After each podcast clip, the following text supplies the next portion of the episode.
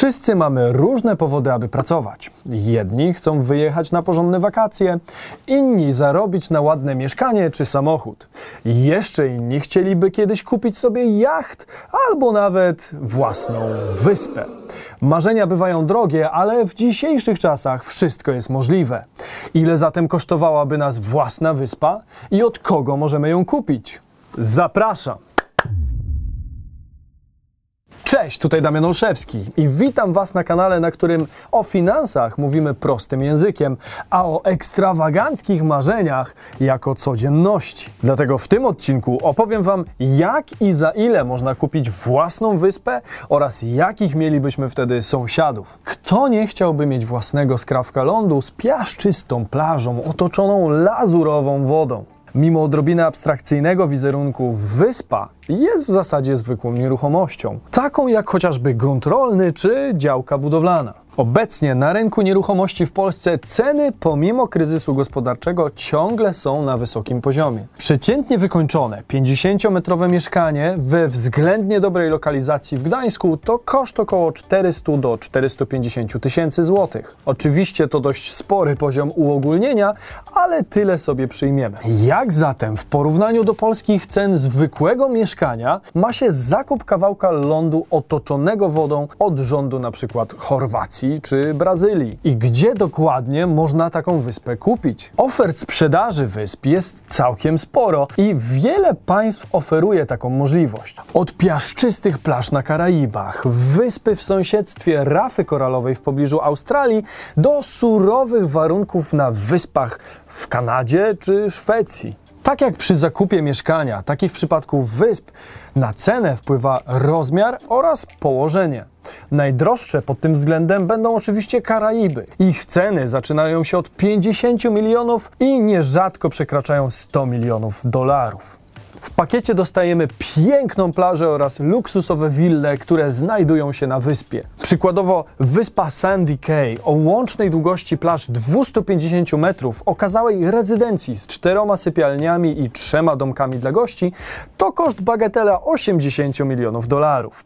Porównywalnych kwot możemy spodziewać się w okolicach Australii, lecz tutaj istnieje możliwość kupna, a raczej wydzierżawienia względnie tanich, małych wysp bez infrastruktury. Tu na wyjątkowe zainteresowanie zasługuje kosztująca 4,5 miliona dolarów wyspa Żółwia. Położony jest na niej dom z czterema sypialniami i basenem, a także przystań dla jachtów, a nawet lądowisko dla helikopterów. Azja, Ameryka Południowa i Stany Zjednoczone to środek stawki, jeśli chodzi o ceny własnych wysp. Wahania są dość duże, od 300 tysięcy dolarów do średnio 10-12 milionów. Za około 11 milionów dolarów możemy nabyć wyspę Tavern, zlokalizowaną niedaleko Connecticut. Leży na niej nie tylko dom z sześcioma sypialniami i domek dla służby, ale też basen, plaża, molo i dok. Promocyjnych cen natomiast możemy się spodziewać również w północnym sąsiedztwie USA, czyli w Kanadzie. Kanada z milionem jezior i tysiącami kilometrów wybrzeża posiada więcej wysp na sprzedaż niż jakikolwiek inny kraj na świecie. Dlatego bezludną wyspę można tam kupić za kwotę 20 razy mniejszą niż porównywalnej wielkości na Morzu Karaibskim. Niestety przez klimat i oddalenie od cywilizacji większość wysp nie posiada żadnych zabudowań i infrastruktury. Jeżeli chcemy od razu kupić wyspę z budynkiem, to warto zwrócić uwagę na Ile de la Baie Bertrand, która kosztuje około 1,18 miliona dolarów. Wyspa leży niedaleko Ottawy, a znajduje się na niej rezydencja z czterema sypialniami, domkiem dla gości oraz pomieszczeniami gospodarczymi. Dodatkowo jest tam przystań dla dwóch jachtów. Przejdźmy do cen w Europie i tutaj najbardziej pożądane są wyspy basenu śródziemnomorskiego na czele z Grecją i Chorwacją. To właśnie Chorwacja posiada na swoim terytorium 1185 wysp, z czego tylko 66 jest zamieszkałych, a średnia ich cena to 450 tysięcy euro. Robi się coraz przystępniej, prawda? Na taką kwotę można by już wycenić dobrze położony 300-metrowy dom w Gdańsku czy Gdyni, ale to i tak jeszcze nie najtaniej. Mam też coś dla tych, którym nie zależy wcale na pogodzie. Jeżeli chcemy tylko odciąć się od świata na parę dni, to wersją budżetową będzie szkocka skalista wysepka za jedyne 20 tysięcy dolarów, czyli plus minus 70 tysięcy złotych w zależności od kursu. I jak już naprawdę mamy potrzebę zaimponowania znajomym, to zawsze zamiast podjechać nową BM-ką, można zaprosić ich na zamkniętą imprezę na własnej wyspie.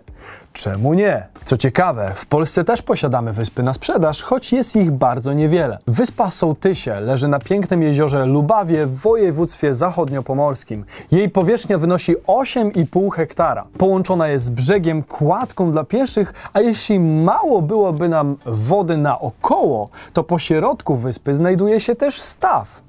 Cena oficjalnie nie podana. Nieoficjalnie natomiast mówi się, że to około 3 do 4 milionów złotych. Jak widzicie, koszt wyspy jest naprawdę różny. Od 20 tysięcy do nawet 100 milionów dolarów. Gdybyśmy jednak zdecydowali się na taki ruch, to pytanie, kogo moglibyśmy się spodziewać jako sąsiada z wyspy obok? Największe, położone w ciepłym klimacie z palmami, plażami i krystaliczną wodą wyspy, jak się już pewnie domyślacie, należą do multimilionerów gwiazd kina, muzyki i sportu. Swoistym królem wśród posiadaczy wysp jest Richard Branson, właściciel firmy Virgin. W Polsce znanej jako operator Virgin Mobile. Jest on właścicielem dwóch wysp na Morzu Karaibskim, Necker o powierzchni 30 hektarów, Mosquito o powierzchni 48,4 hektara. Wyspy Makepeace Island położonej w pobliżu Queensland w Australii, która została zakupiona na potrzeby pracowników Virgin Atlantic oraz wyspy Island of England, sztucznej wyspy w kształcie mapy świata usypanej w Dubaju. Jedną z największych prywatnych wysp posiada natomiast Mel Gibson, aktor i reżyser. Swoją wyspę o nazwie Mago w archipelagu Fidżi nabył w 2005 roku i wydał jedynie 15 milionów dolarów. Dlaczego jedynie? Wyspa jest wielkości aż 2200 hektarów, czyli jej powierzchnia jest około 20% większa od powierzchni Sopotu w Trójmieście. Przyjrzyjmy się jeszcze paru gwiazdom. Johnny Depp i jego Little House Pond Cay na Bahamach. Gwiazdor podczas kręcenia Piratów z Karaibów tak zakochał się w tutejszych wyspach, że postanowił jedną kupić na własność. W 2004 roku za kwotę blisko 4 milionów dolarów zakupił wspomnianą wyspę o powierzchni 45 hektarów. Do dyspozycji posiada prywatny port, sześć piaszczystych białych plaż z palmami oraz kawałek rafy koralowej. Energia na wyspie pochodzi jedynie z paneli słonecznych. Nicolas Cage za namową przyjaciela Johnego Deppa zakupił za trochę ponad 3 miliony dolarów wyspę w pobliżu. Leaf Cay na Bahamach jest ciekawą wyspą, bo posiada słodkowodne jezioro, a na wyspie znajduje się m.in. 19 budynków i niewielkie lotnisko dla prywatnego samolotu Nikolasa i jego gości. A jak żeby inaczej. W gronie właścicieli prywatnych wysp możemy wymienić jeszcze m.in. Claudię Schiffer, Stevena Spielberga, Madonnę, Richarda Giri, Leonardo DiCaprio, Shakirę, Celine Dion, Davida Copperfielda czy Rickiego Martina. Czy zatem mając w portfelu parę milionów możemy pójść i z miejsca zakupić bezludną wyspę? Tutaj tak samo jak o cenie decyduje położenie i przynależność wyspy do danego państwa. Zdecydowanie trudniej jest sprostać wymaganiom kupna wyspy w tropikach niż na Morzu Północnym. Na Karaibach na przykład, jeśli nie jesteśmy rezydentami brytyjskich wysp dziewiczych oraz Angulii, musimy posiadać specjalną licencję uprawniającą nas do nabycia wyspy. Decydując się na licencję, zgadzamy się m.in. na sprawdzenie naszych danych w rejestrach policyjnych na całym świecie i musimy przygotować się na długi, bo sięgający nawet ponad rok proces nabywania wyspy. W rejonie Oceanii wszystko zależy od tego, do kogo wyspa należy.